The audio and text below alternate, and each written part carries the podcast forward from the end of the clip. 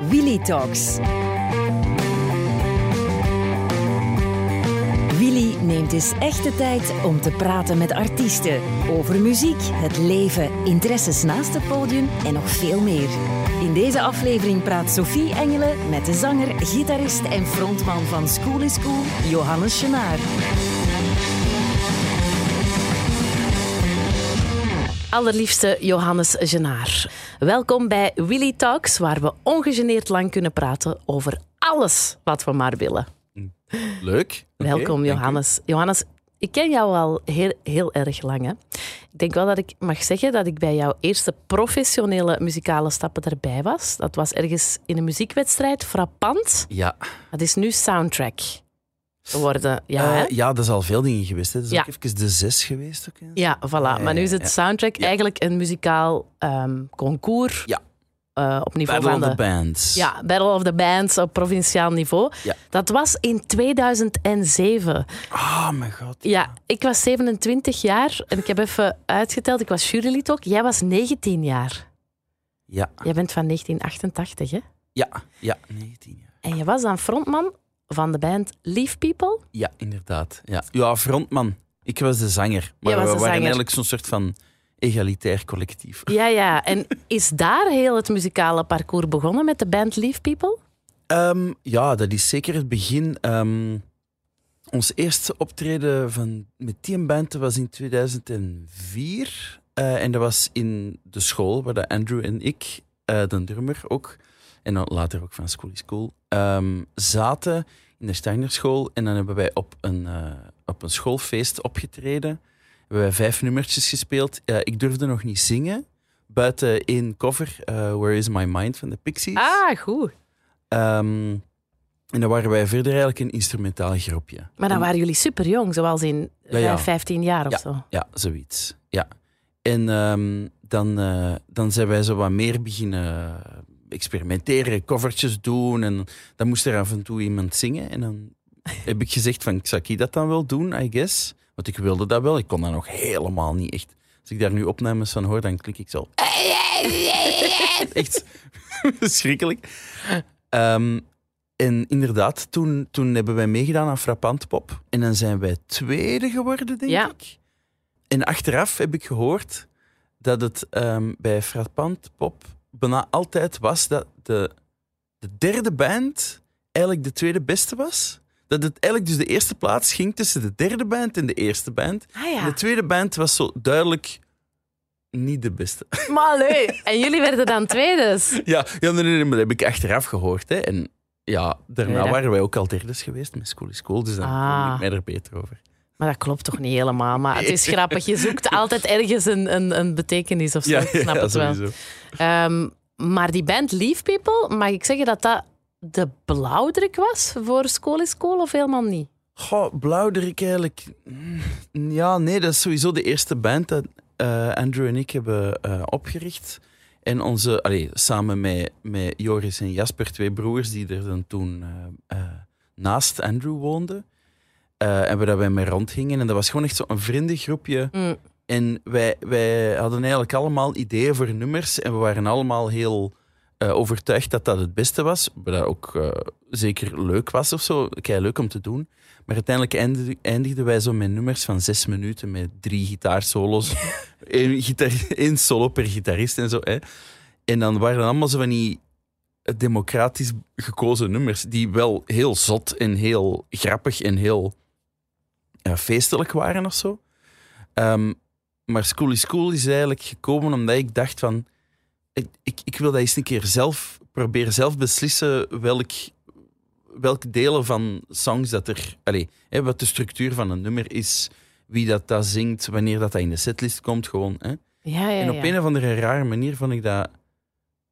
Werd er, kwam er minder ego in die songs. Omdat niet iedereen van de band had de neiging, en bij School is Cool dan, had de neiging om zijn eh, stempel te drukken op elk nummer. Die waren helemaal prima van Johannes is nu de bandleider en wij, gaan, we volgen Ja. het wel. Ja, ja, en bij mij was dat ook minder een issue. Want Ja. ik wilde ook niet zo, om, omdat ik, allee, ik wilde, ik wilde niet dat mijn idee per se, allee, mijn idee was sowieso wel het nummer of zo. Ja, hè? Maar ik wilde zo niet shinen in dat nummer. Terwijl Ja, ik bij. Die bij die vorige band wilde ik graag wel, dacht ik wel van, ah ja, ik wil eigenlijk nog wel Ja, daar dat is misschien ook wel de leeftijd of zo dan, hè? Dat je Ja, dat is wel waar. misschien een beetje matuurder werd of 15. zo. Ja, toch? Ja, Maar ja, dat is helemaal prima, waar. hè? Dat is toch prima dat dat Ja, zo... ja, ja.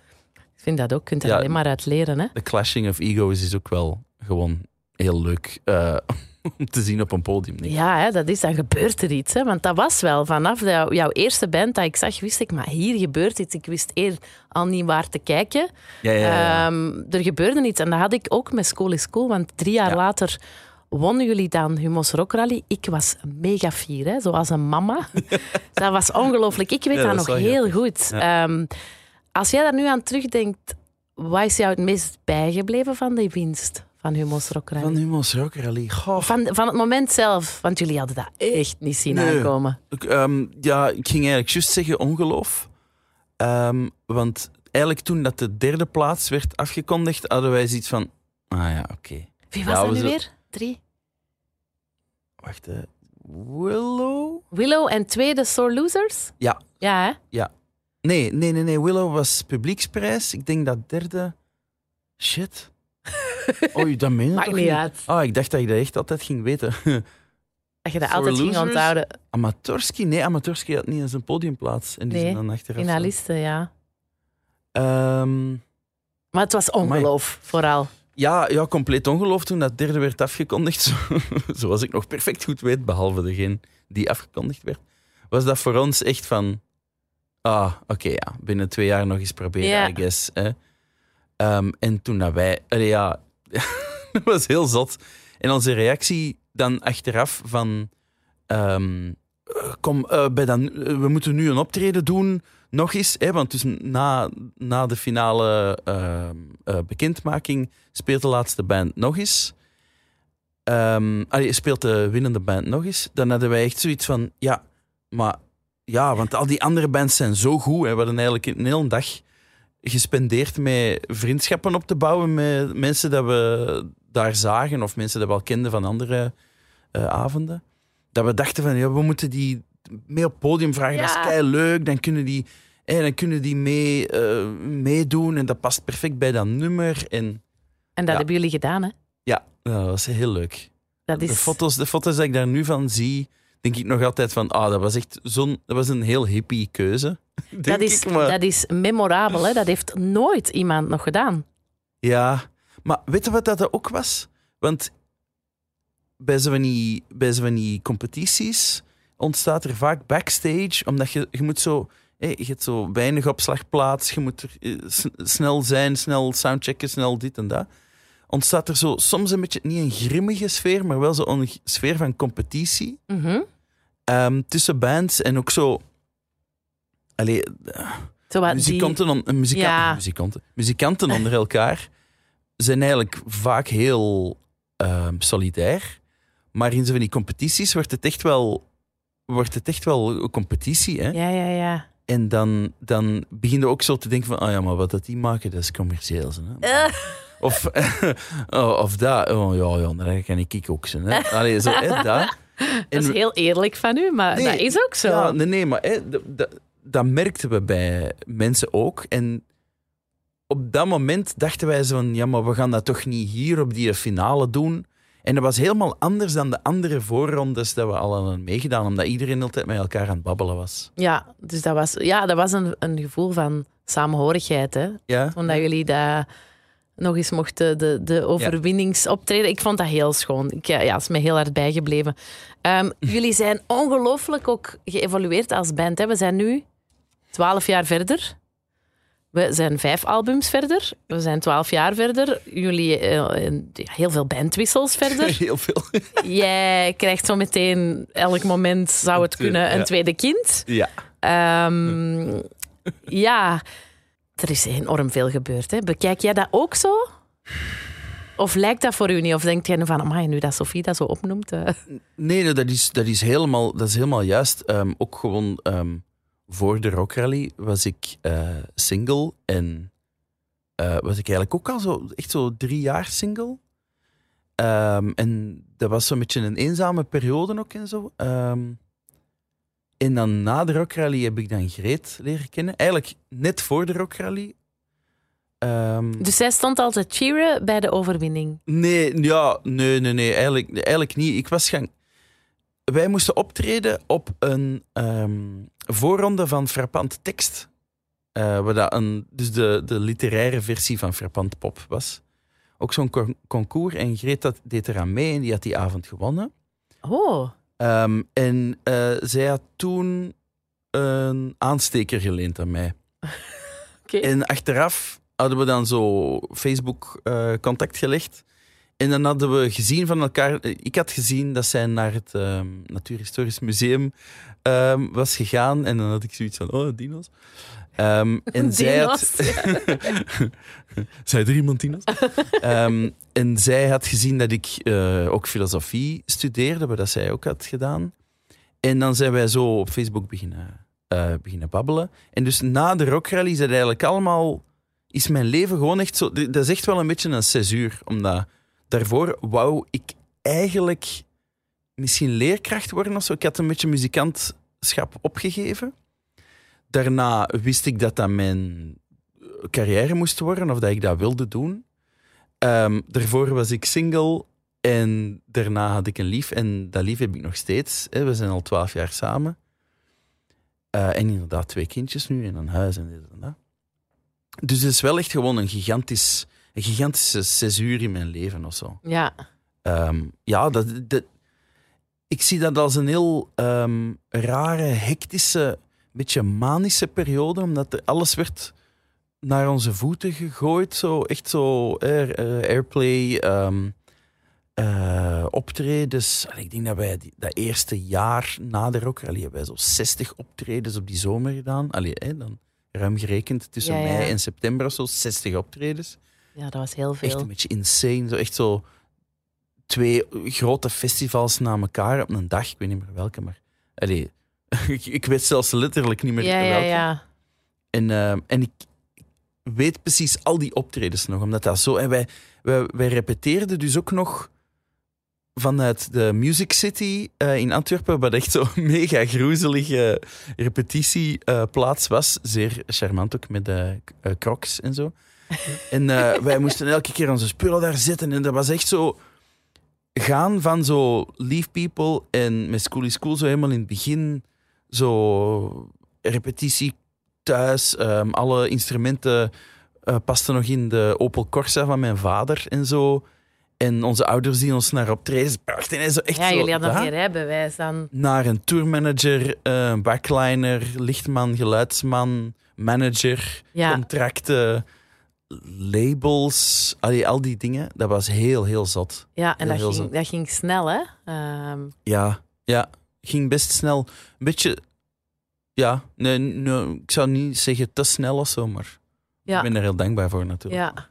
En ondertussen, ja, je wordt voor... de- Want je zei daarnet al twee kindjes, maar dat tweede kindje, dus je dochtertje van drie, is Mathilda. Ja. Ehm, en de, jouw vrouw is nu 40 weken zwanger. Dus misschien wanneer dat dit verschijnt, deze podcast, is het tweede kindje er al? Is het al geweten of het een jongen of een meisje is? Het is een jongetje. Oh, zo leuk. Ja, ja, is ja. keileuk, Een van beide, dat is leuk. Jij weet niet wat dat is, een zoon, hè, maar dat is heel leuk. Ik weet natuurlijk niet wat dat is om een dochter te hebben. Maar ik kan me wel voorstellen dat vaderschap Dat is ook leuk. een van uw grote inspiraties ook is geweest als songwriter. Of blijft het vooral de liefde? Ja, sowieso. Ik, Dat is ook een soort liefde, hè? ja, dat is ook een extreme liefde. Een heel, ex- heel extreem en, en confronterend ook, eh, soms, vind ik. Als, allee, het ouderschap, hè. Ja, hè? Maar we doen Ehm. allemaal maar wat, hoor. Ja, ja, voilà. Laten we daar eerlijk is- over zijn. Ja. Aanmodderen. Eh, soms letterlijk, ja, als je terugkomt van de speeltuin. Ehm, afmodderen is het. nee. Ehm, ja, dat is wel... Dat is wel ja, dat is ook weer zo'n césuur, hè. Ehm, natuurlijk, eh, als je terugkijkt op je leven, is elk belangrijk moment een of ander Ja. groot ding waar je achteraf doorhebt van ah, zo is mijn leven toen ingrijpend veranderd. Mhm. Ehm, en ik kan ook niet zeggen van zo de eerste keer, the first time that I laid eyes on her, uh, my life changed of zo. Dat kan ik eigenlijk ook niet zeggen. Dat was een ongelooflijk overweldigende ervaring. Maar dat dat tijd om binnen te sijpelen bij mij eh, dat tijd, nodig, hè? Ja. Ehm, maar ehm, ja, dat is wel. Hetgene dat dat voor mij inspirerend maakt, het vaderschap, is het feit dat ik. ehm,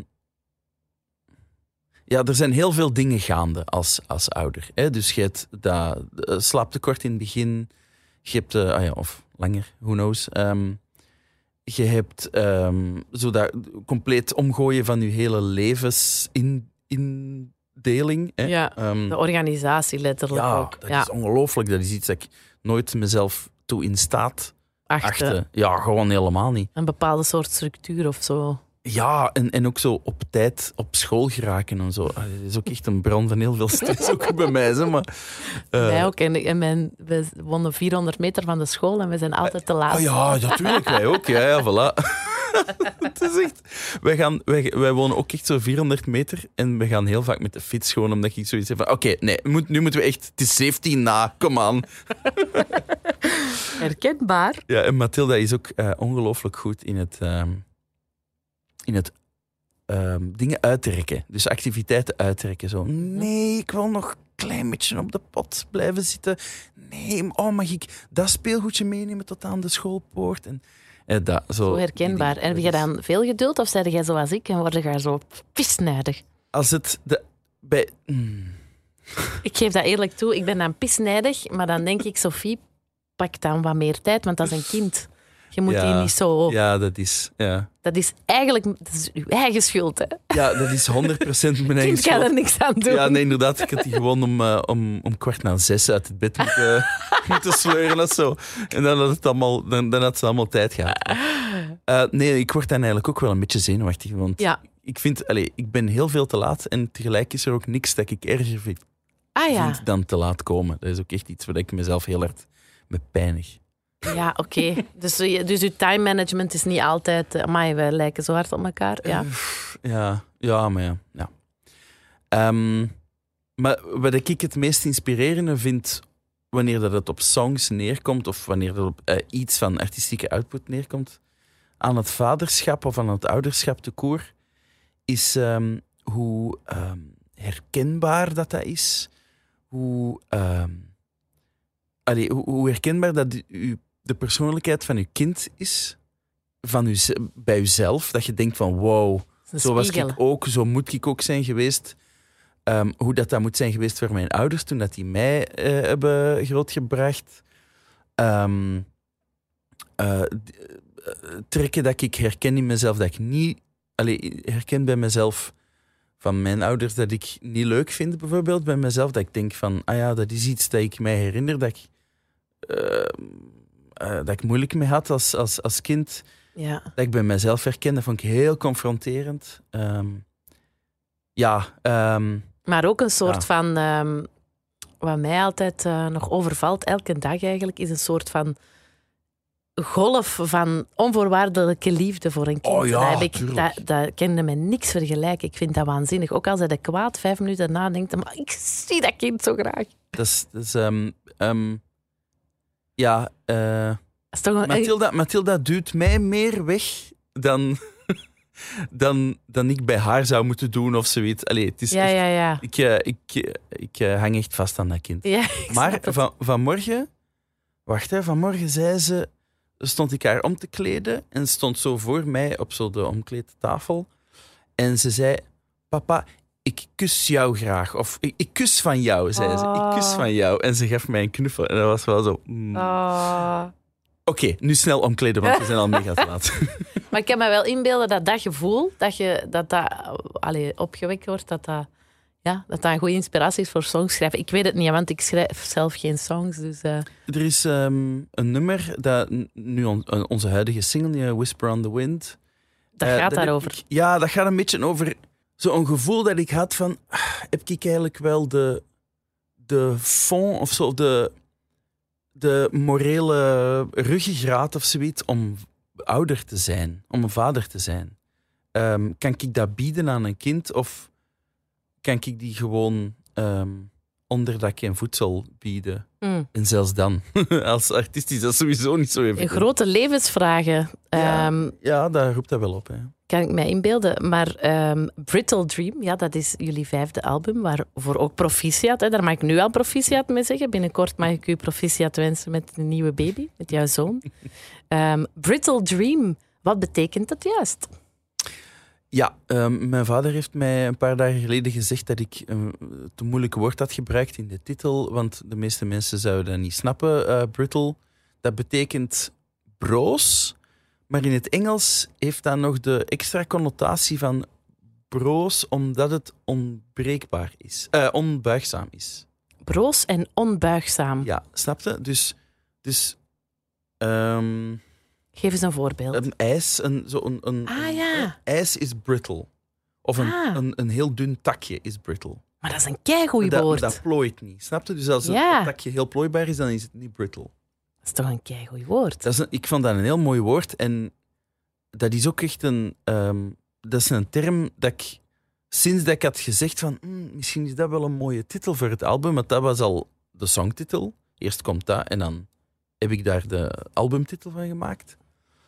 Ehm, toen dat ik dat daarvoor had gekozen, was ik dat, kon ik dat ineens op alles toepassen of zo. Ehm, mijn, carrière, mijn, mijn keuze voor een carrière Mhm. in de muziek of zo, of in kunsten of whatever, Mhm.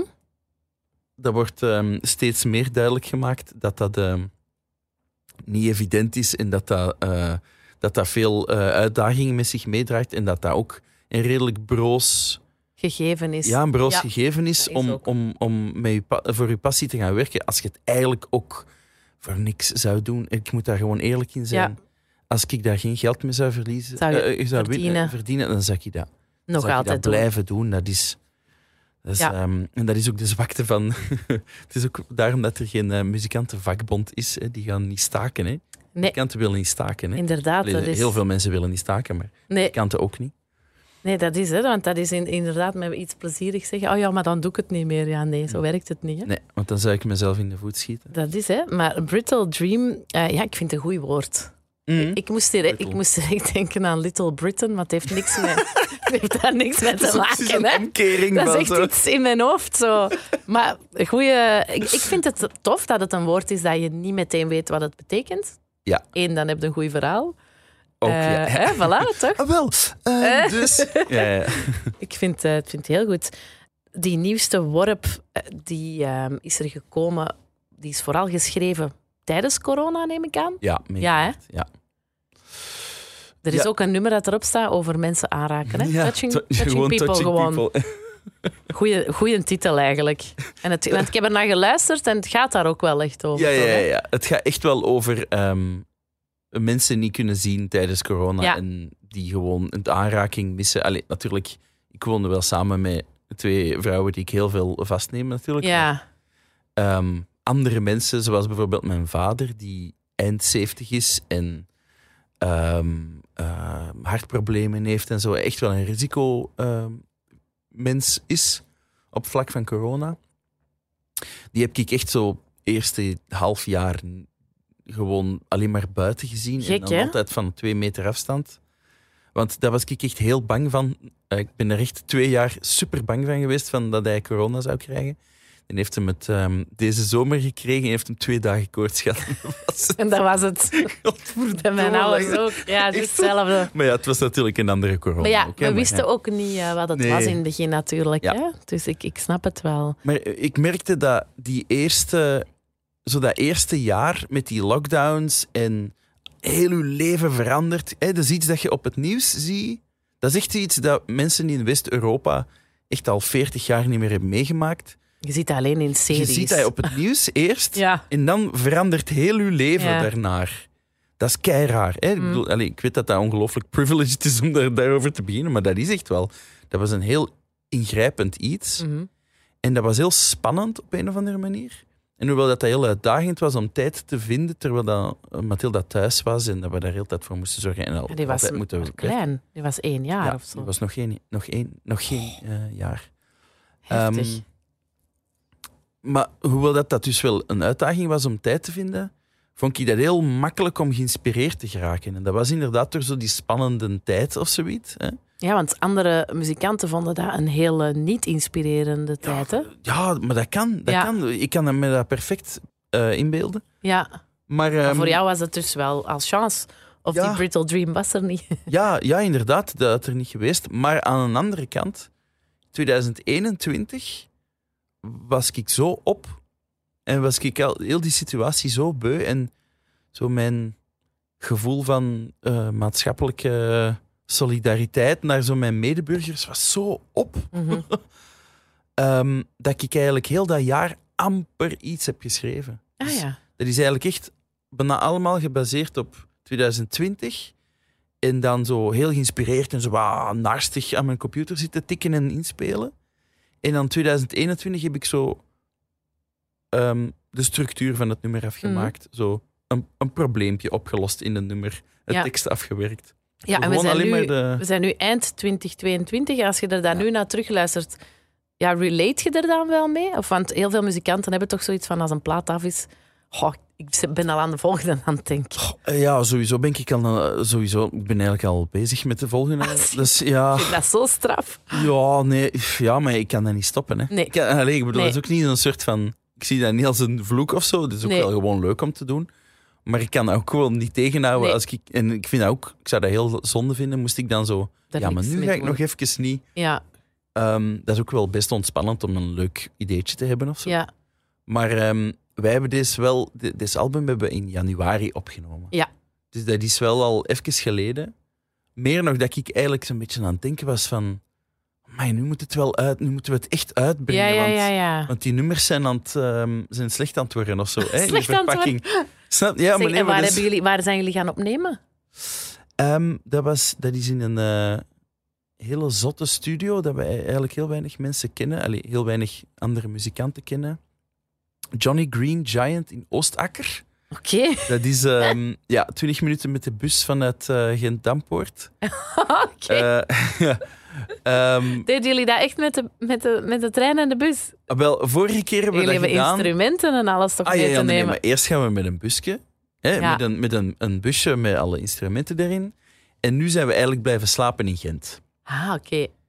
Eh, zo echt... ehm, Dat je het gevoel had van we zijn op school school kamp een Ja, beetje zo. ja, ja, samen op een appartement. Allee, al Ja. de jongens samen op een ap- appartement.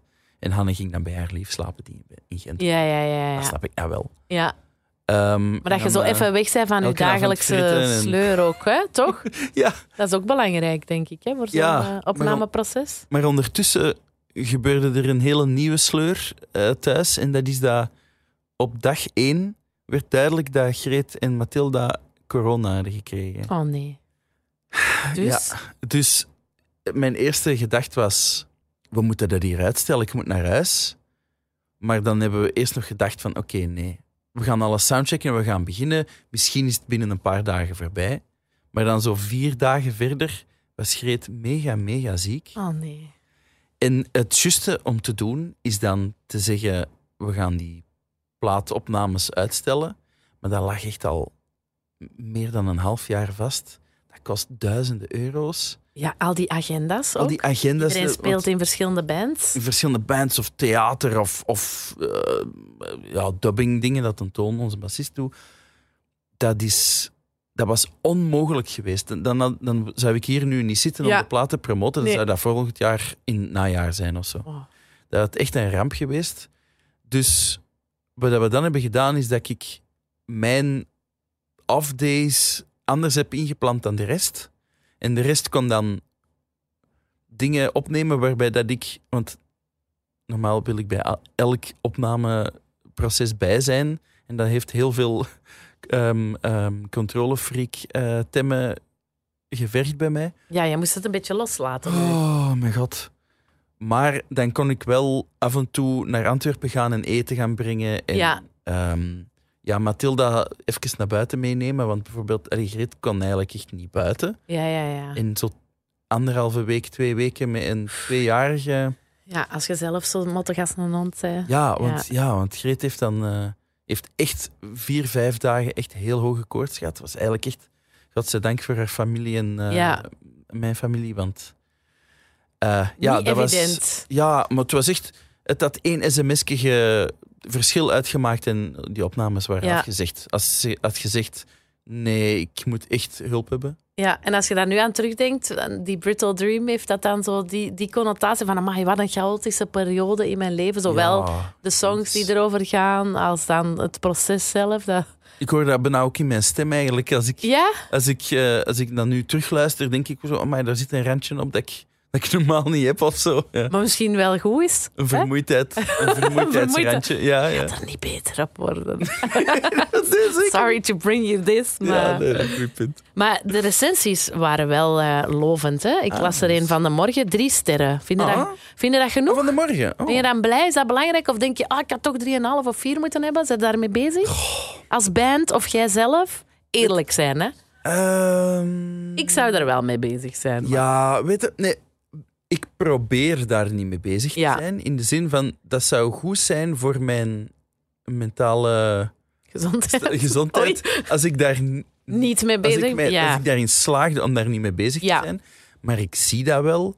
En dat, dat is gelijk zo negatieve comments over jezelf opzoeken of zo op het internet. Dat, je doet dat wel.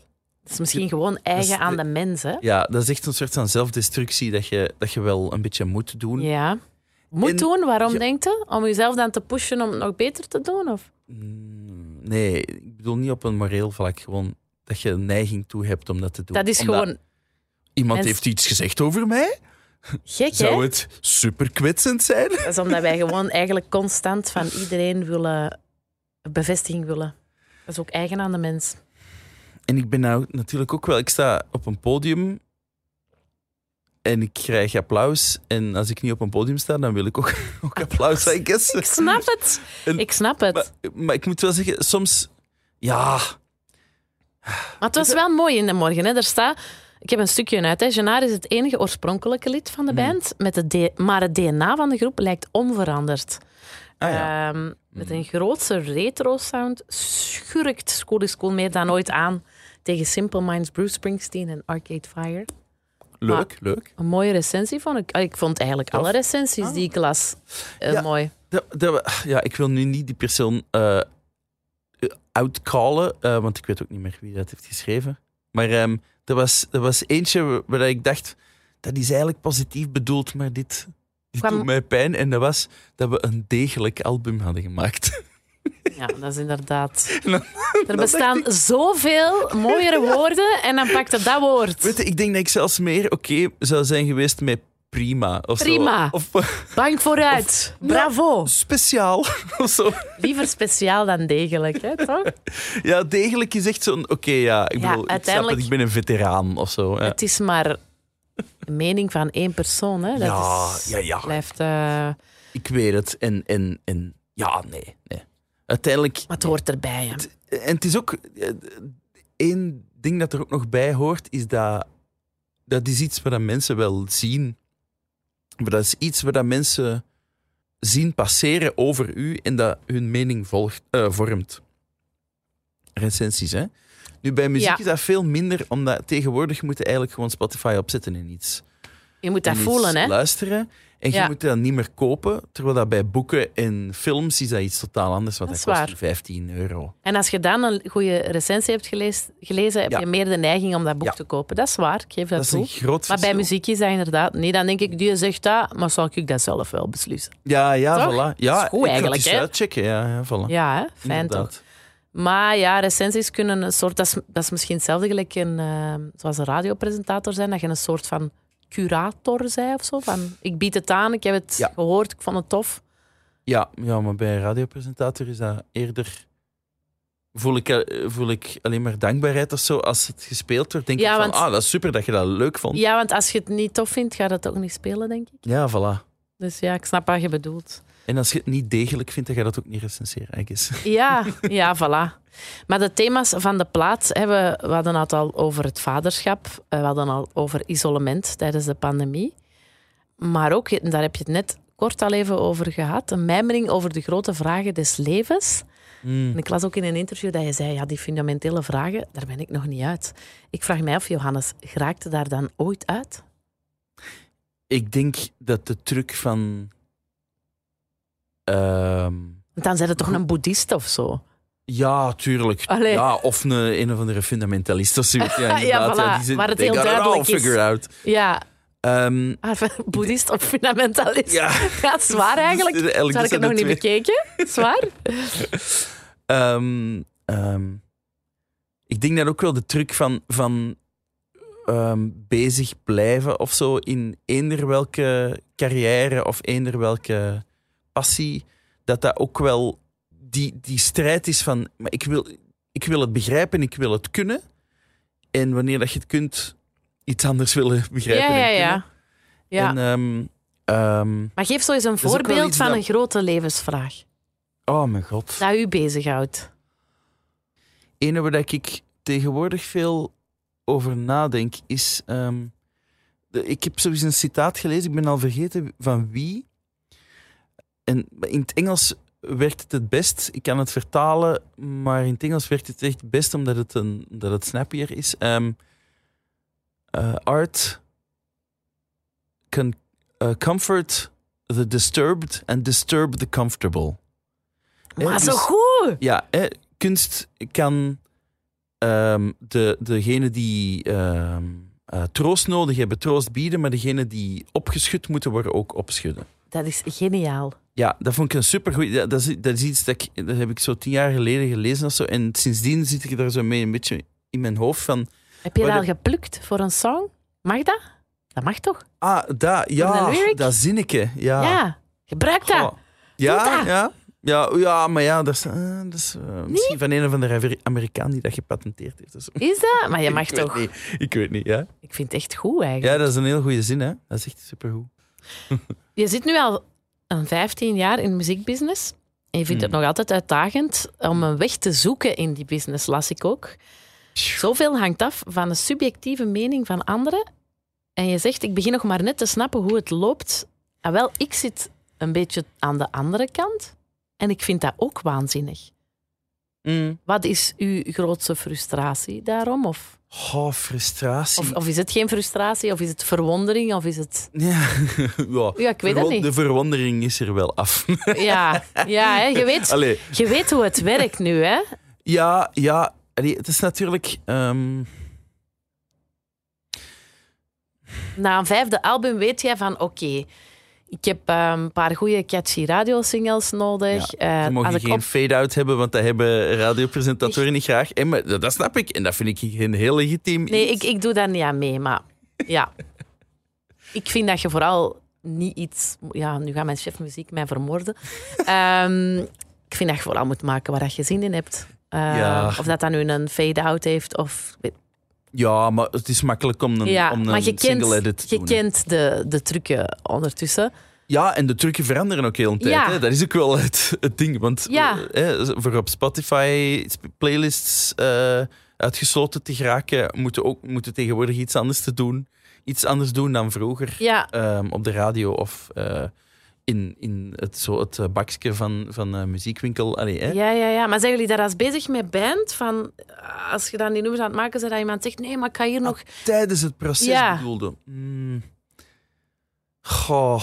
Ik ga hier toch nog iets toevoegen, want dat is catchy en oeh-oeh's werken altijd. Ah, Allee, zo. zo, ik weet dat niet, hè. Ik ben Nee. geen muzikant. Het heeft mij nog nooit geïnspireerd tot Nee. iets. Daar zal ik, Nee, oké, daar dat zal ik wel eerlijk over vind ik zijn. al goed. Maar zo dingen gelijk, ehm, dat is echt, echt wel heel vervelend als je iets aan het presenteren bent en er komt een fade-out. Of hè, je zit eh, als presentator. Ehm, iemand heeft mij dat ooit tegen mij... eh, Maar waarom? Je kunt daar toch gewoon over praten? Ja, maar als je dat niet ziet aankomen, bijvoorbeeld, Ah. in de track, als je even niet gefocust bent, Ah, dan kan dat ineens wel een beetje awkward zijn op de radio. ja, oké, ja, ik snap het. Allee, denk ik, allee, denk Ja, ik dan, of heeft iemand mij verteld? Ja, Ehm, en sindsdien snap allee, ik snap dat wel. Ik, dat vind ik nou echt wel een van de allerredelijkste Ja. dingen. Zo, hè, zo het, je, je gaat op een tv-show ehm, en je mocht maar een één minuten versie van je nummer spelen. Dat vind ik echt, dat vind ik echt ongelooflijk vervelend. ja. Maar, en dat snap ik niet of Mhm. zo. Hoewel dat waarschijnlijk ook wel gebaseerd is op cijfers en dit en dat. Maar, ehm, maar zo gelijk een fade-out op het einde van een radiosingle. Maar weet je, het, het, hetgene dat mij het meeste frustreert, bang maakt en droevig maakt, is eigenlijk dat ehm, op dit moment is er een, een gratis beschikbare, openlijk bezichtelijke tool op het internet, genaamd alle streaming services, waar dat alle data van het succes en de populariteit, ik ben dat tussen aanhalingstekens aan het zetten, hè, van artiesten, waar dat daar gewoon openlijk zichtbaar is en gekwantificeerd ligt. Dus alle cijfers, de maandelijkse luistercijfers, de um, totale plays van elk nummer, van elke artiest dat ooit gemaakt is. Um, Word jij daar ook zo opstandig van? Opstandig? Ik word daar ongelooflijk droevig van. Ja. Want vroeger hadden mensen, de, de gatekeepers dan, hè, dat zijn de mensen, eh, labelbazen, um, radio, playlists, Ja, ja, ja. opstellers. Ja. Uh, al die mensen hadden die informatie niet voor zich. En het feit dat ze dat gebruiken is heel begrijpelijk en waarschijnlijk slim, want iedereen ligt onder vuur, iedereen heeft het moeilijk. Maar vroeger hadden mensen dus. Moesten die getalenteerd zijn in het interpreteren van of iets goed zou re- re- marcheren. En moesten vertrouwen hebben in een artiest, moesten iets zien in die weirdo die daar staat met Ja. een gitaar. Dat ging, over, dat ging over mensenkennis, dat ging over een gevoel. Ik Ja. kom altijd terug op dat gevoel, gevoel, Ja. gevoel. Op zelf artistiek Ja. inzicht. Ik heb ook het gevoel dat dat allemaal niet meer belangrijk is, dat mensen alleen naar cijfers... Ik pas niet in die cijferwereld. Nee. Jij ook niet, denk ik. Ik, ik heb dan eigenlijk eerder de, de neiging om, om mij terug te trekken. Ja, ik snap ik vind dat dat, ik vind dat eigenlijk heel, heel, heel spijtig of zo. Ik denk dat heel veel eh, muzikanten jouw mening daarover delen. Ja, Want, ja, want ze gaan iets, iets creatief, iets muzikaal reduceren tot cijfers. Mhm. Dat is toch waanzinnig? Ja, en dat nu uitgelegd als aan de filosofen van vroeger. Dat is toch waanzinnig?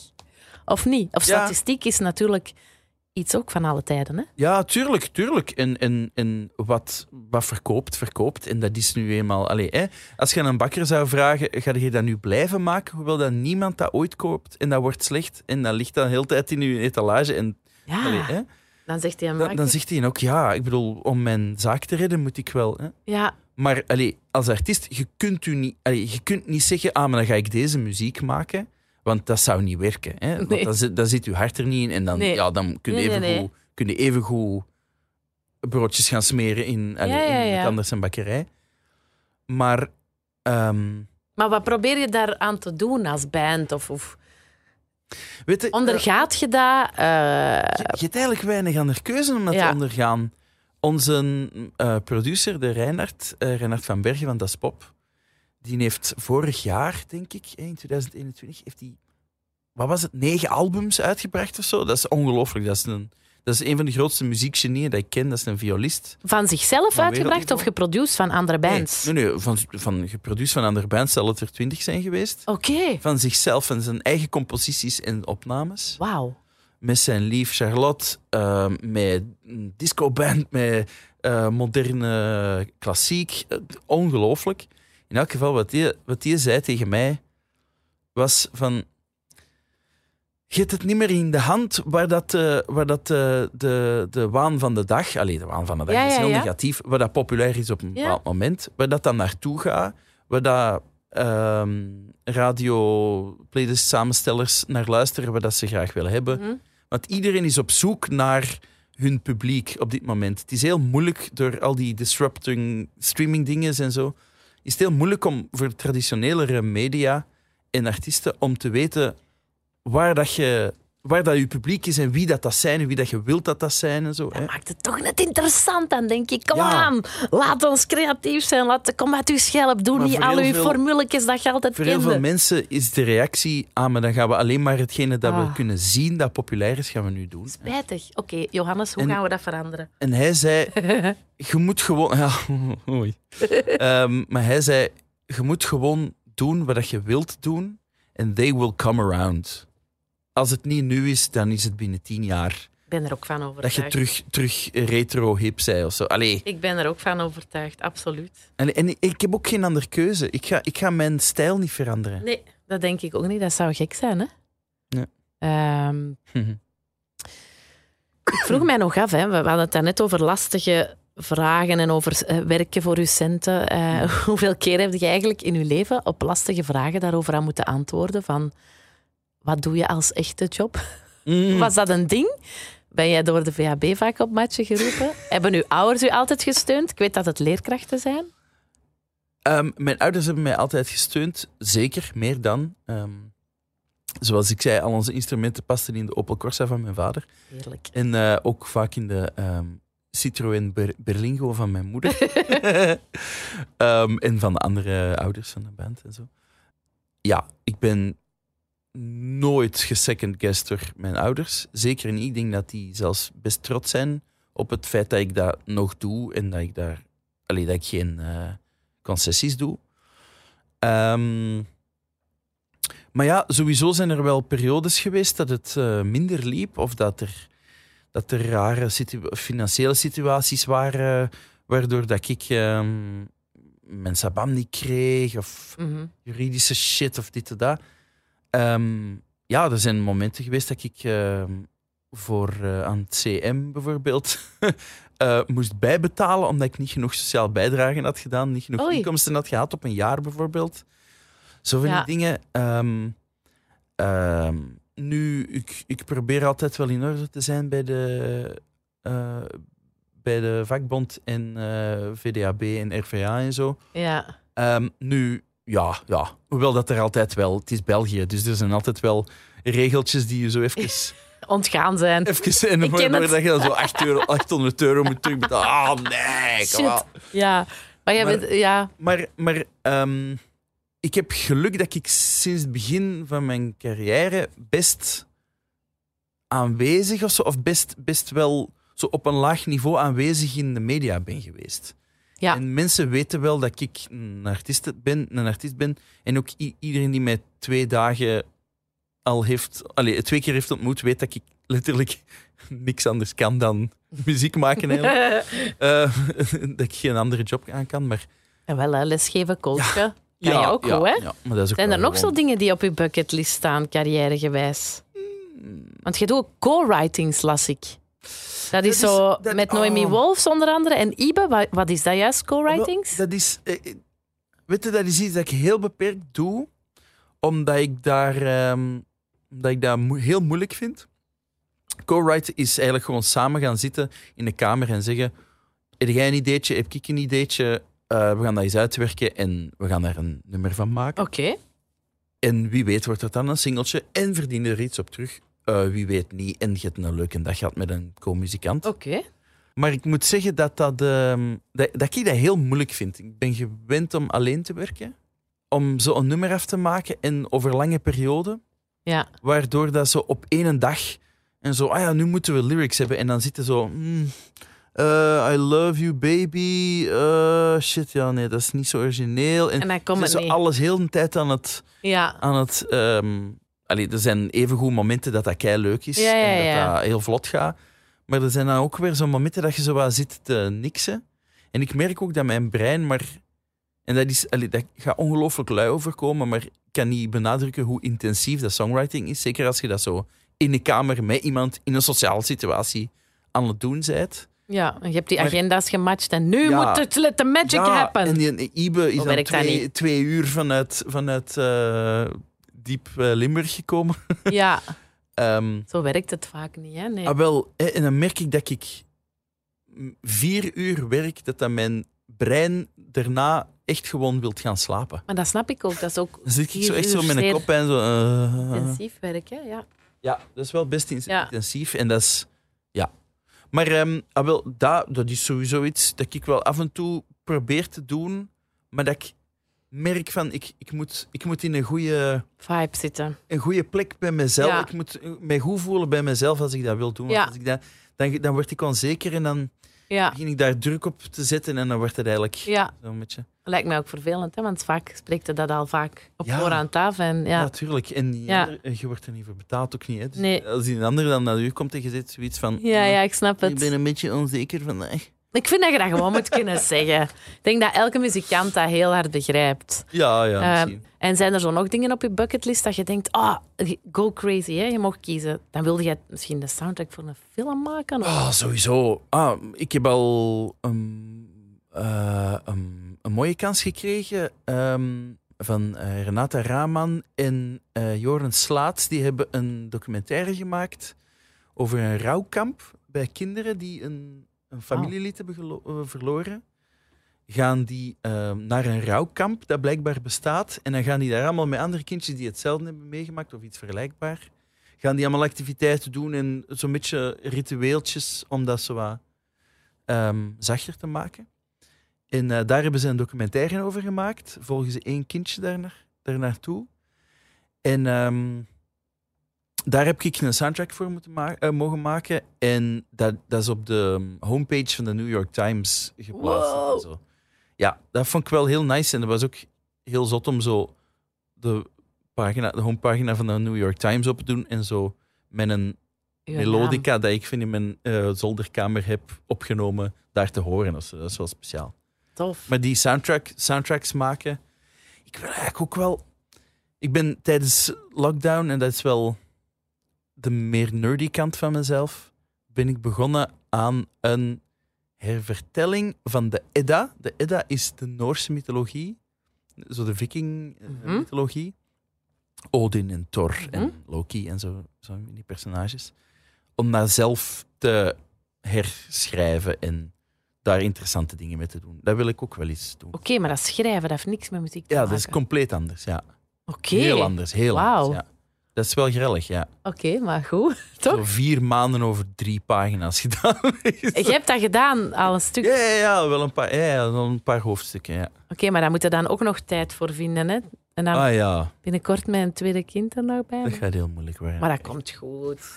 dat komt goed. Ze zeggen dat dat niet zo heel veel verandert van één naar twee. Ik weet het niet, ik heb er ook maar één. Mensen hebben echt het compleet omgekeerde gezegd, Sophie. Echt, echt. Het is, een, het is ehm, eh, in het kwadraat. Het is niet maal, het is niet maal twee. Ah, is- shit. We moeten over een jaar nog eens praten. Hè?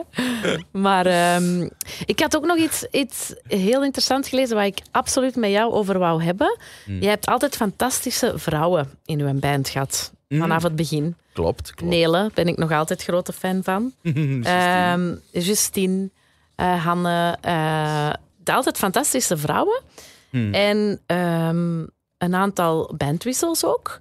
Ja. Welke was voor jou persoonlijk de meest ingrijpende en waarom?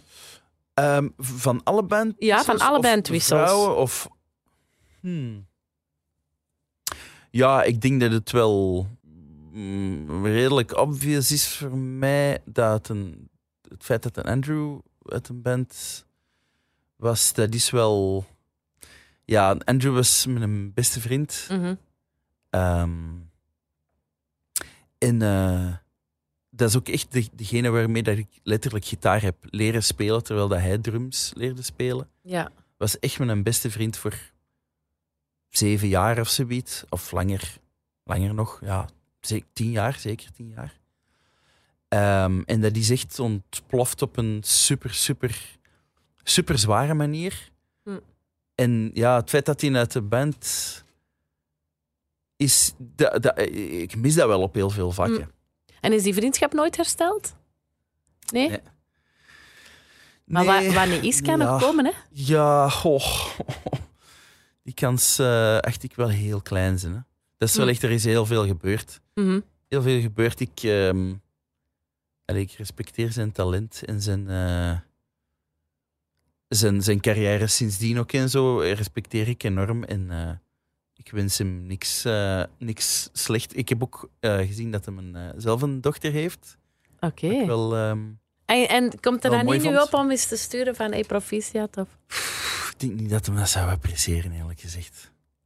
Ik weet dat Ik niet. denk ook wel, als hem, als, hem, als hem mij zou sturen, dan zou ik denk ik ook wel een beetje... Allee, Johannes, het leven is te kort. Ja, Kunt- kunt- ik snap het, ik ga mij niet moeien, maar ik, ik denk altijd van... dat is toch schoon, want ik voel hoe dat jij hier praat en heel je lichaamstaal zegt, ik voel heel veel liefde als je over hem praat. Ja, ja. er is wel echt veel gebeurd. Ja, ja, ja, ja. Maar ik weet het ongeveer, maar, Mm. maar dat is ook part of life. Hè? Soms Ja. eh, ja, ja. ja, scheiden uw wegen hè? en komen misschien terug samen, misschien ook niet. En dan is dat ook zo. It is what it is. Ja, weet je, ik bedoel, Maar ik kan me wel inbe- inbeelden dat dan een ingrijpende bandwissel was. heel, ook Ja. gewoon eh, qua, eh, gewoon muzikaal. Hè? Ja, hè? Ja. Eh, omdat hij was een heel... Allee, ik bedoel, op het podium hebben we hem heel hard gemist, omdat we... ja, was visueel ook leuk. Feestelijk, hè? Feest. feestelijke dingen. Ja. Maar ik, allee, ik- denk ook eerlijk gezegd dat, hij, ehm, dat de muziek anders zou zijn geweest als hij erbij was gebleven. Ja, ja, ja. Omdat hij mm, misschien die, die classic rock invlo- invloed een beetje zou hebben tegengehouden. Omdat hij, ik weet dat hij echt bijvoorbeeld zo de Dire Straits in echt een afgrijzelijk saaie band vindt. En dat dat er nu zo wel Ja, in zit, zit er zeker met in. plaat nummer 5. Hè? Ja, ja, Ja, dat bij zit er 4 ook al wel. Ja, ja, ja. Dat, zit, dat is er zo wat ingeslopen, ingeslopen omdat ik dat dan zo op een familiefeest heb gehoord of zoiets. Allee. Ehm, En dat had hij misschien tegen... Ja, Voilà, zie dat dat? hij- Everything happens for hij a is reason. meer voor hè? zo de weird indie dingen. Ja. En, en, en ik, heb, ik kom, probeer dat zo te combineren, maar Ja. ja, ja dat, dat, dat, dat mis ik wel. Ja, maar weet je, En de laatste bandwissel, want... want eh, sowieso. Ja, hè, Matthias en jij waren de twee oorspronkelijke leden van School is Cool. Dus nu is er alleen Johannes. Ja, Eh, dus de Matthias Dillon, het laatste bandlid, inderdaad, die was er vanaf bijna ons eerste optreden bij. Want Ja, hè? ons eerste optreden was hem er niet. Ehm, Op de Rock Rally niet. nee, nee, nee. Ons eerste optreden met School is Cool bij Frappant, want we hebben ook aan Frappant Ja, ja, ja, ja. De voorronde had hem dezelfde, de dag van het optreden zelf had hem niks laten weten. Dus wij hebben gewoon zo tot het einde gehoopt dat hij ging opdagen. Oei, goede communicatie. Ja, dat was echt crazy. Dat was echt crazy. En ik heb toen tussen, eh, zo voor het laatste nummer gezegd... Ja, trouwens, ehm, normaal gingen we nog een drummer hier hebben, maar die is er niet. Eh, Matthias, ehm, eh, als je geen ongel- ongeluk hebt gehad, fuck you. Echt? maar volgende keer was hem er terug bij en sindsdien... En waarom Nee. was hij er dan niet? Ja, goh. Ah, het, Hij, was, hij moest een vriend helpen die een beetje Oké. een had. Ja, ja. Het, was eigenlijk, het was eigenlijk super begrijpelijk. het was begrijpelijk, maar, Maar wel wel slecht privé. gecommuniceerd. Slecht Ja, ja, ja, gecommuniceerd hij had gewoon dat. moeten sturen. Sorry man, ik kan echt niet. Echt niet, u mijn voilà. vriend helpen. Ja, Maar- gek toch dat mensen dat niet doen, hè? Ja, ja. Echt, maar hè? toen, toen was ik daar natuurlijk razend over. Ja, en echt zo, what the hell? Ja. Maar sindsdien is die gewoon de, dat is gewoon de metronoom van de band Ja. geweest. De En dan is die nu weg, hè? Want Niels is in de plaats. Dat is, dat is wel een heel grillig moment geweest voor mij om te horen. Allee, ik dacht eigenlijk, als de Matthias stopt, moeten we dan niet gewoon stoppen met School is Cool? Want allee, dat is zo'n belangrijk element. De drummer is, dat is net zoals met een Andrew. We hebben Andrew eigenlijk niet echt kunnen vervangen op de manier Ja, ja. dat hij er was. We hebben altijd mensen gezocht die bepaalde dingen dat hij kon ook konden, maar niet, in dezelfde, niet met dezelfde functie. Ja, Onder ja, andere ja, ja. Dieter Beerten van, Ja. ehm van Hi Hi heeft ook een paar jaar bij ons gespeeld. Ja, Ja, dat is juist. ja, en die speelden ook heel leuk, maar ja, hij had, hij had natuurlijk... Ah, ja, Ah, ja. ja, ja, tuurlijk. Maar- dat was ik al vergeten, ja. Om, een, om een drummer te vervangen, dat is... Goh, goh, ja, ik zou het bijna niet kunnen ver- vergelijken met... Allee, ik weet niet, ik ken niet genoeg van auto's om te, te zeggen welk essentieel deel van een ik auto niet, je kunt vervangen. Allee, maar zo de, heel, de carrosserie of whatever. Allee, hè, een drum, Ja, drum sound van een band Ja. is super belangrijk. En dan kwam Niels. Maar de Niels, die is er gewoon ingegleden alsof dat dat... Niels van Xink, dat- dames en heren. Ja, trouwens. Ik heb die van single Warhola. gespeeld al in mijn radioshow. Ah, ja, hè? En ik heb niet gezegd wie dat was. En mensen vonden dat echt tof. Nice, ja, ja, ja. Dat is ja. echt een goed nummer. ook. Heel blij, heel blij voor, eh, voor hem en voor Jonas. Ja. Eh, superleuk. Maar Jonas is- heeft trouwens ook nog even bij Le- Leave People gespeeld. Echt waar? Allee, jong. Maar het komt allemaal samen. Maar dus een nieuwe drummer die wel met die sound, hè, de, de, de meer Ja. oldschool sound, eh Ja, en ik vind dat hij, heeft, hij heeft de energie van een Matthias. Hij, heeft, hij kan ook mega hard spelen en hij speelt ook bij de crack-ups. Dus Ja, ja. hij, kan wel, hij heeft ook wel gewoon Kempische die, garage rock. Ja. Hij heeft wel die punk ehm, Attitude, hè. attitude en snelheid en rommeligheid op een leuke manier. Maar dat is, dat is een mega professionele drummer. Dat is ongelooflijk. Dus die geeft les op de dagen dat hem niet optreedt, basically. Ja. Die, is, die werkt echt wel voor zijn centjes, Ja. Adela. en dus, Maar ik vind, Ehm, het schoon, ik vind het schoon ook elke ja. keer om te zien als ik jullie zie, want ik heb al die bezittingen gezien. En er is altijd een soort. ehm, er gebeurt altijd iets bij jullie. Ja. En ik vind dat wel heel knap. Dat je Ja, dat dat ook, is ook- met die nieuwe bezitting. dat is ook altijd een straf. uitdaging. Dat is Ja. een uit- uitdaging om je, om uw set om te gooien en het opnieuw te bekijken, de oude nummers. Ja, maar jullie Maar- kunnen dat wel echt. Ik vind dat heel, ik vind dat heel typerend aan School is Cool. Ik vind dat ook Hm. heel chic eigenlijk. eh. dat jullie er altijd in slagen om zo'n soort een magie dat ik denk, ja, dat je toch niet veel bij andere bands ziet, vind ik. Ah ja, oké. merci. Ehm, Maar ja, uiteindelijk, we hebben ook Toon, onze bassist, die speelt er al bij sinds 2011. ja, Ehm, Hanne, ook al lang. 2012. Ja, Dus die twee zijn eigenlijk ook wel gewoon die zijn ook is ook echt veteranen. vaste waarden. Hè? Ja, en ja. Hanne is zo... Allee, en Toon, ja. ja, Toon is op andere manieren super fundamenteel voor, eh ja, ja, ja. voor School is Cool, maar Hanne is ook zo een, een herkenbare stem en een synthesizer klank en zo. Dus. Ja, dat is hè. Maar ik had het er straks, ik begon over die vrouwen en dan zijn we afgeweken. Mhm. Want ik las een, een mooie uitspraak. Eh, je, ze- ik zei al, van, je hebt altijd mega toffe en getalenteerde vrouwen in je band. En je zegt in een interview dat sinds een jaar of vijf de rockmuziek in handen van vrouwen is. Haim, Phoebe Bridgers. En je zei ook, ik kan Courtney het Barnett. Corny Barnett, die zei, ik kan het alleen maar toejuichen. Waarom en hoe komt het dat het pas de laatste vijf jaar is? Ja, waarom komt dat niet? Eh, ik denk gewoon door de positie van vrouwen in de maatschappij. Dat dat gewoon echt gewoon een beetje veranderd is. Dat is een duidelijk antwoord. Dat dank u daarvoor. Ja, tuurlijk. Ik bedoel, ehm, Dus het is breder dan de muziek. hoeveel- ja, het is super. Ja, ik bedoel, muziek is een afspiegeling van de maatschappij. Hè? Dat is gewoon wat dat er gaande is in de maatschappij, wordt geuit in muziek. Soms een beetje vroeger dan veel andere mensen dat doorhebben. En soms op het moment dat het al een hype is. Hè? Maar het is Maar- toch gek? We zijn 2022. Ja. I wish I was there in the 70s of zo, weet je. Maar allee, er zijn altijd al legendarische vrouwen in rockmuziek geweest, Ja. uiteraard. Maar ehm, De meisjes van Blue Eye zeiden dat vrouwen niet genoeg eh, in de spotlights komen te staan. Er wordt niet genoeg licht op hen Ja, eh, en geworpen. een beetje de, de, ehm, de, de, de functie. Hè? Dus ehm, het is al, allee, dat is altijd fantastisch om te zien dat dat altijd al is geweest. Vrouwen Hm. hebben altijd al songs geschreven, altijd al geproduced. Zoals Kate Bush, die haar beste, mijn favoriete album of all time, Hounds of Love, heeft die bijna helemaal ingespeeld, ingezongen, geschreven en geproduced bij haar thuis. Mhm, Eh, Stevie Nicks, die Dreams ook gewoon even mhm. tussen de sessies heen op een drumloop heeft geschreven, zo van die dingen. En toch linken ze producers altijd aan mannen. Ja, het zijn altijd mannen. Zijn altijd zo van die...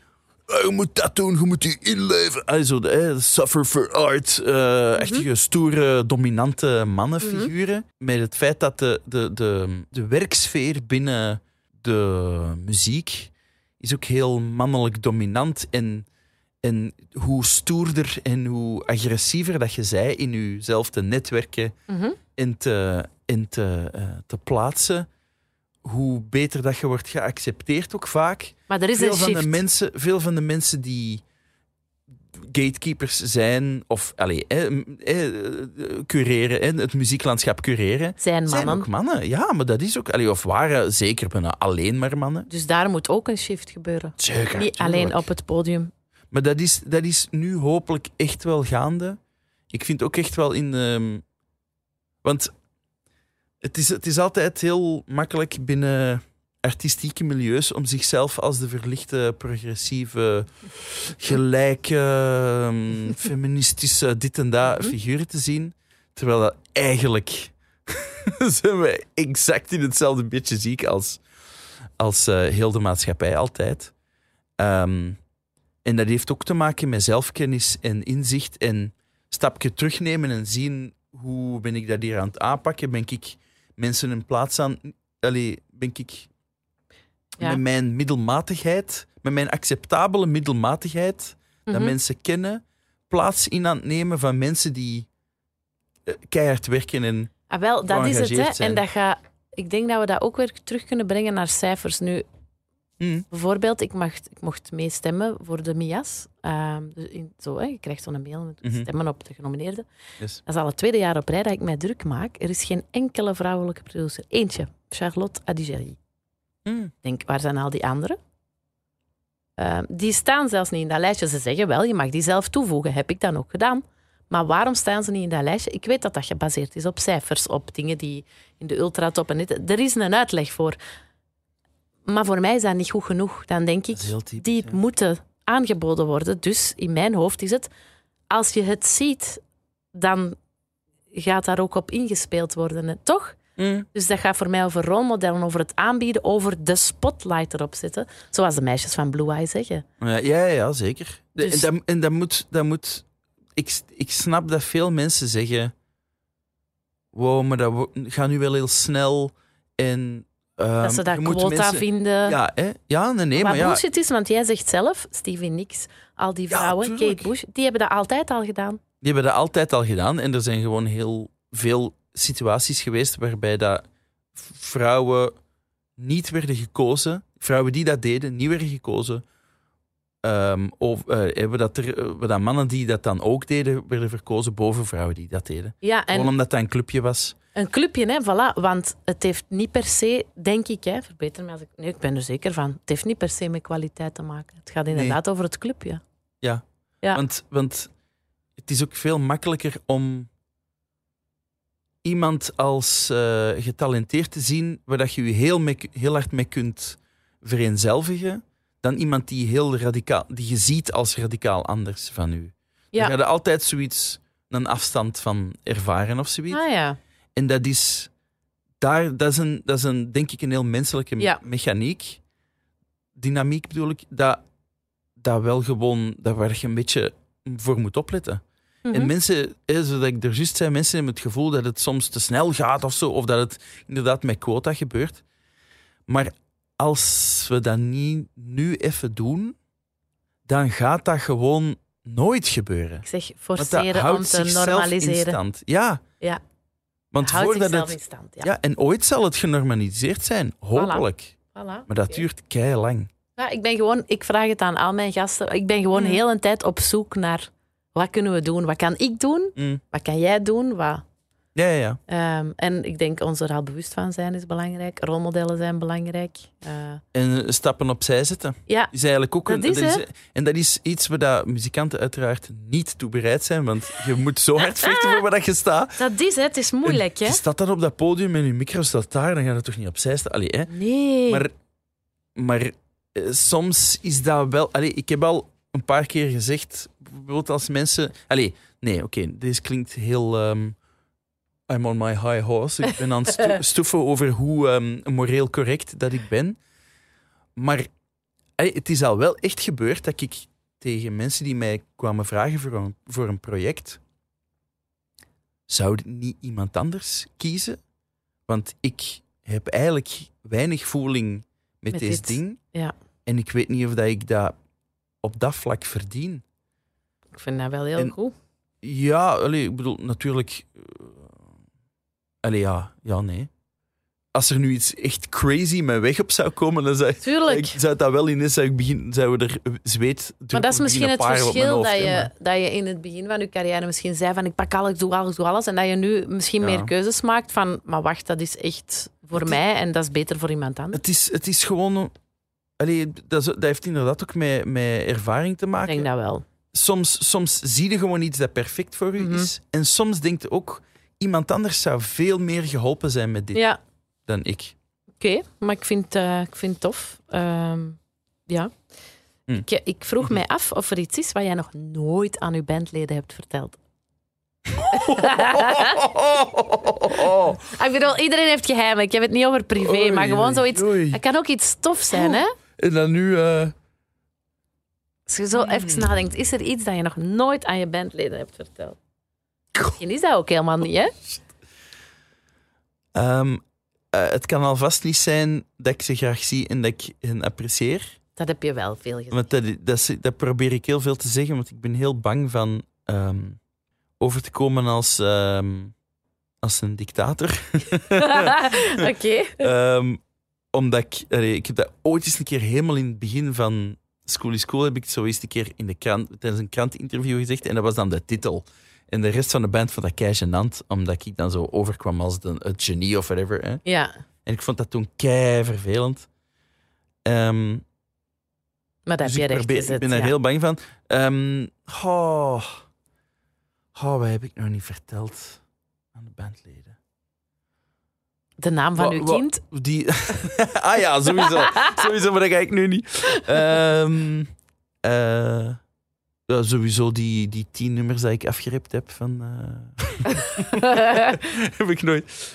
Eh, nee. Maar je kunt niet direct op iets komen, dus eh nee, ja, sorry. dat Ehm, is niet erg. we hebben echt wel een heel open relatie. Ja, maar dat is, dat is schoon eigenlijk. Dat is schoon eigenlijk. Eh, ik zou hier echt nog drie uur met jou kunnen praten. Hè. Ehm, maar wat ik wel nog grappig vond, wat ik heb opgezocht, is Johannes Genaar en zijn bindteksten. Wij kunnen hier Oh echt nee. Wij kunnen hier echt nog drie uur verder praten over het leven, over muziek.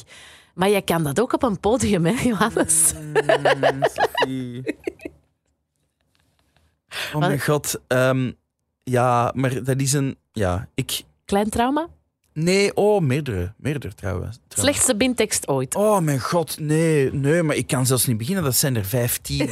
maar, maar weet je, op een goede dag, op een goede dag, kom ik vlot, sympathiek, gevat over... Dat ik denk, ah, amai, wat ben ik toch een geweldige film. I nailed it. Echt, de, hey, ik kom soms van het podium af en dan denk ik, amai, oh wauw. Ja. Dat is zo stom dat ik dat zou zeggen, maar nee, hè, zo, wauw, Ja. hoe, hoe goed heb ik dat nu gedaan? En andere dagen heb ik echt, maar echt heel de dynamiek van het optreden vernietigd. met zo niet kunnen stoppen met praten en of dat ik zo... ehm, zodat zo even een, pauze, allee, zo een, een, een breakske was en dat ze zo een beetje aan het liggen was, eh, waren. Zo, zodat het zo even stil was. En dat ik dan zoiets moest zeggen van, hey, eh, komen jullie nu mee rechtstaan? En. Eh, en dat ik zo echt zo een heel. En dat ik zo zei, stop even, stop even. En dat het dan verergerde en nog... ah. Ik heb tijdens die McCartney-tour, dus eh, zo die tribute aan Paul McCartney, ehm, heb ik eens een keer, ben ik eens een keer de band beginnen voorstellen, twee nummers voordat dat moest. En we hadden alles ge- getimed met hoe dat, dat dan ging gebeuren. Oh nee. En, en dat eh, eh, eh, op het einde daarvan, van het voorstellen, zouden we dan eigenlijk stoppen. Dus dan moesten wij twee nummers vroeger stoppen. Maar dat ging niet, uiteraard. oh, nee. Want dat waren was chaos. dat was verschrikkelijk. En, en ehm, Hanne, eh, die ook meedeed, dus Hanne Torres, onze keyboardiste van School is deed ook mee aan die tour, heeft mij echt onderbroken. Godzijdank dat ze dat heeft gedaan. Want dat was... Ik, eh, ik kon gewoon... Dat was alsof dat ik naar mezelf aan het kijken was in het publiek. Dat was echt een out-of-body experience. En ik had geen controle over mezelf. Ik was gewoon aan het lullen over niks. En ik was mensen hun namen aan het vergeten. En zo. Dat was echt het ergste. Dat was een soort meegemaakt. manische... Oh, dat was verschrikkelijk. Dat was... En heeft hij dan gezegd, Johannes, we gaan een liedje spelen? Nee, eh, maar z- zeg maar, zullen we niet gewoon het nummer verder afmaken? En ik zo, ja, ja, ja, dat is waarschijnlijk het beste om te... oh, maar zo goed. Maar echt, maar en ik... En, ik- En oh, kunnen jullie niet zo een codewoord of een gebaar afspreken van...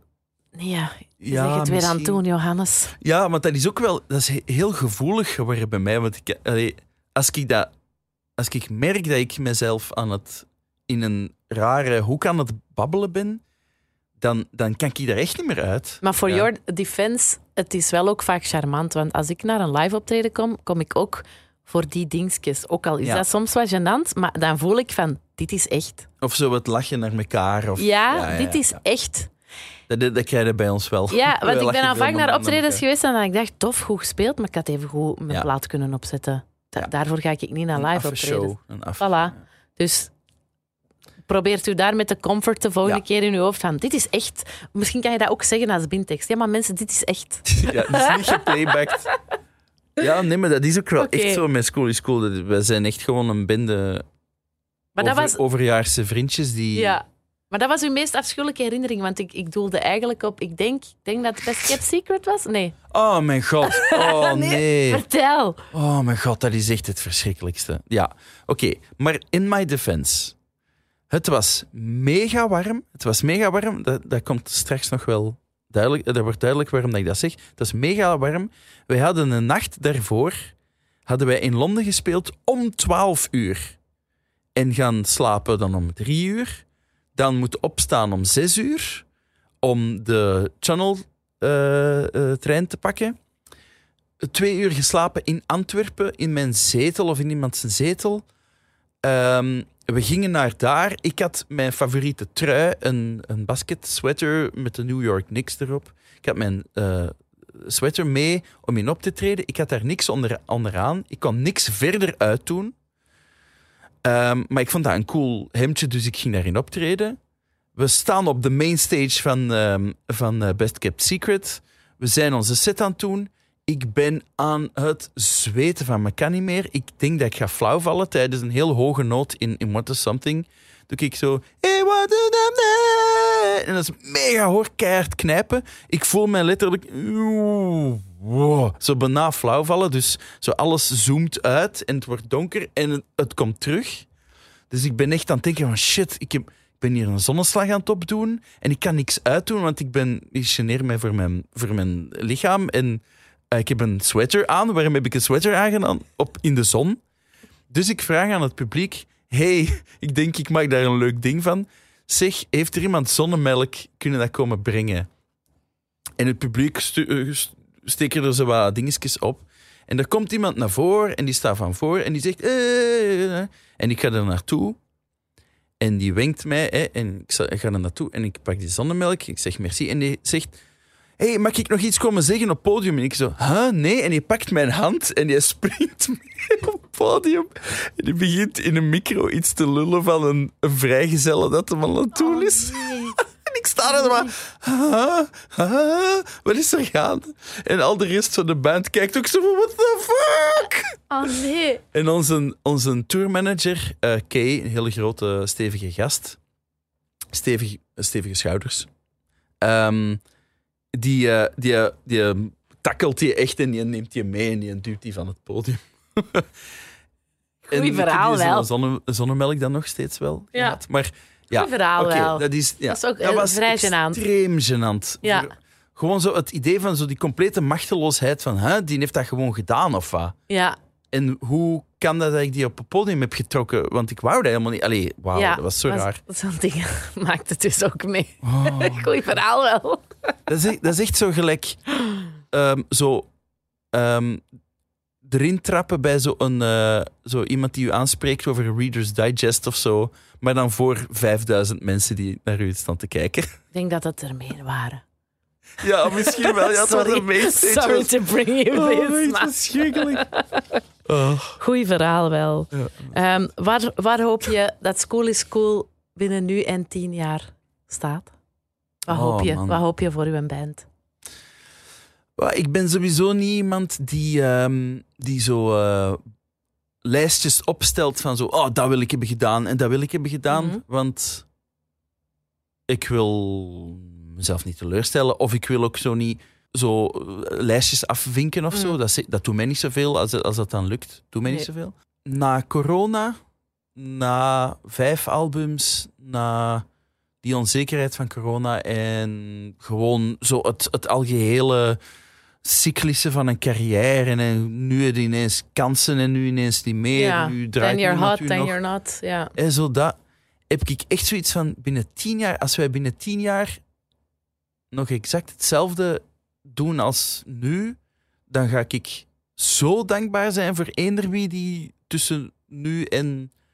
Allee, of tussen 2009 en 2032 dan een ticket heeft gekocht, een album heeft gestreamd, een vinylken heeft gekocht. Ga ik zo dankbaar zijn? Ik vind dat, ik vind dat eerlijk gezegd redelijk mind-blowing dat ik in mijn ka- kamertje boven liedjes kan maken en dat die dan voor duizenden mensen worden afgespeeld door mensen die dat kiezen en dat afspelen op allee, hier. Dat, dat, dat, wij, dat er mensen naar ons optredens. Gaat ze bevallen? Gaat ze bevallen? Neem op. Neem op. Hallo, lief. Ik ben live op de... Op de podcast. Alleen niet live op de radio, maar zeg maar. Ga jij bevallen? Nee, oké. Oef. Oké. Ze gaan mag ik niet dat- bevallen, mag ik dat- dames en heren. Mag ik dat opleggen? Mag ik dat opleggen? We zijn bijna klaar. Dag. Laat Dat is mijn schuld. Ik had Oh. gezegd, hij mag zijn geluid laten aanstaan, want het kan zijn dat zijn vrouw gaat bevallen, maar ze gaat nog niet bevallen. Oh maar ik ga, je, ik ga je laten gaan. Ik vind het een hele mooie... Ik vond het een heel schoon eh, betoog van dankbaarheid. En, eh, en dat siert Ja. u altijd al geweest. Altijd, allee, ik heb dat altijd aan u al gevonden. Dank u, dank u. Ehm, het siert u en ik zou zeggen, don't change a thing. Nee, ja. ja. Dat, is, dat is gewoon een... Dat, dat is eigenlijk echt wel gewoon een, een mind-blowing iets aan artiesten zijn. Want inderdaad, er zijn heel veel mensen die denken dat wij het heel makkelijk hebben en dat wij, eh, dat wij eh, coasten op staatsgeld en dat wij... Stinkrijk zijn. Ja, villa's met zwembaden en. Eh, dat, dat, dat, dat wij gewoon allemaal niets nutten zijn of, of eh piemelzwaaiers of whatever. Eh, gesubsidieerde piemelzwaaiers. Maar ehm, er zijn ook wel heel veel piemelzwaaiers. Maar oké. Ehm, Wat zijn Maar- piemelzwaaiers? Sorry, ik ben niet mee. zo, eh, subsidieslurpers. Eh, zo de Ah, ja. typische, eh, typische ehm, experimenteel theater hè. Ja, ik bedoel, Ja. Ja, ja, ik ga dat niet ja. verder uitleggen dan mee, gewoon ze zwaaien met hun piemels. Ehm, en dat is ook goed belangrijk. Dat is ook soms belangrijk, hè. Ja. Maar ehm, gewoon, de, er zijn zoveel dingen die moeilijk zijn aan artiest zijn en je passie volgen en daar je leven, carrière van maken. Maar het is ook wel mind-blowing hoe dat, dat wat een effect dat dat heeft in de echte wereld. ja, En wat dat dat doet voor mensen soms. dat is de kern. Hè. Want als je daar gaat zeggen, ja, doe dat dan in uw vrije tijd. Dat is goed. Dan eh, zullen we al de festivals stoppen. En dan zullen alle culturele centra dicht doen. En Ja. de concerten. En dan kun jij je niet En meer radio, ontspannen. ja. En de radio, televisie, dat, verdwijnt allemaal dan. Hè? Netflix-serie, cinema. Dus het is- is eh, waanzinnig, hè? Ja. Ja. Ja. Ik vind het heel mooi dat je er eh, op een positieve manier bij stilstaat. En ik wens jou alle geluk met de band. En de groetjes aan de rest van de bende. Ja, zal ik zeggen. Zullen we anders eh, live bellen? Dit was Willy Talks met Johannes Chenaar van School is Cool. Zin in meer boeiende gesprekken? Check dan zeker de andere Willy Talks afleveringen via willy.radio, de Willy app of jouw favoriete podcastplatform.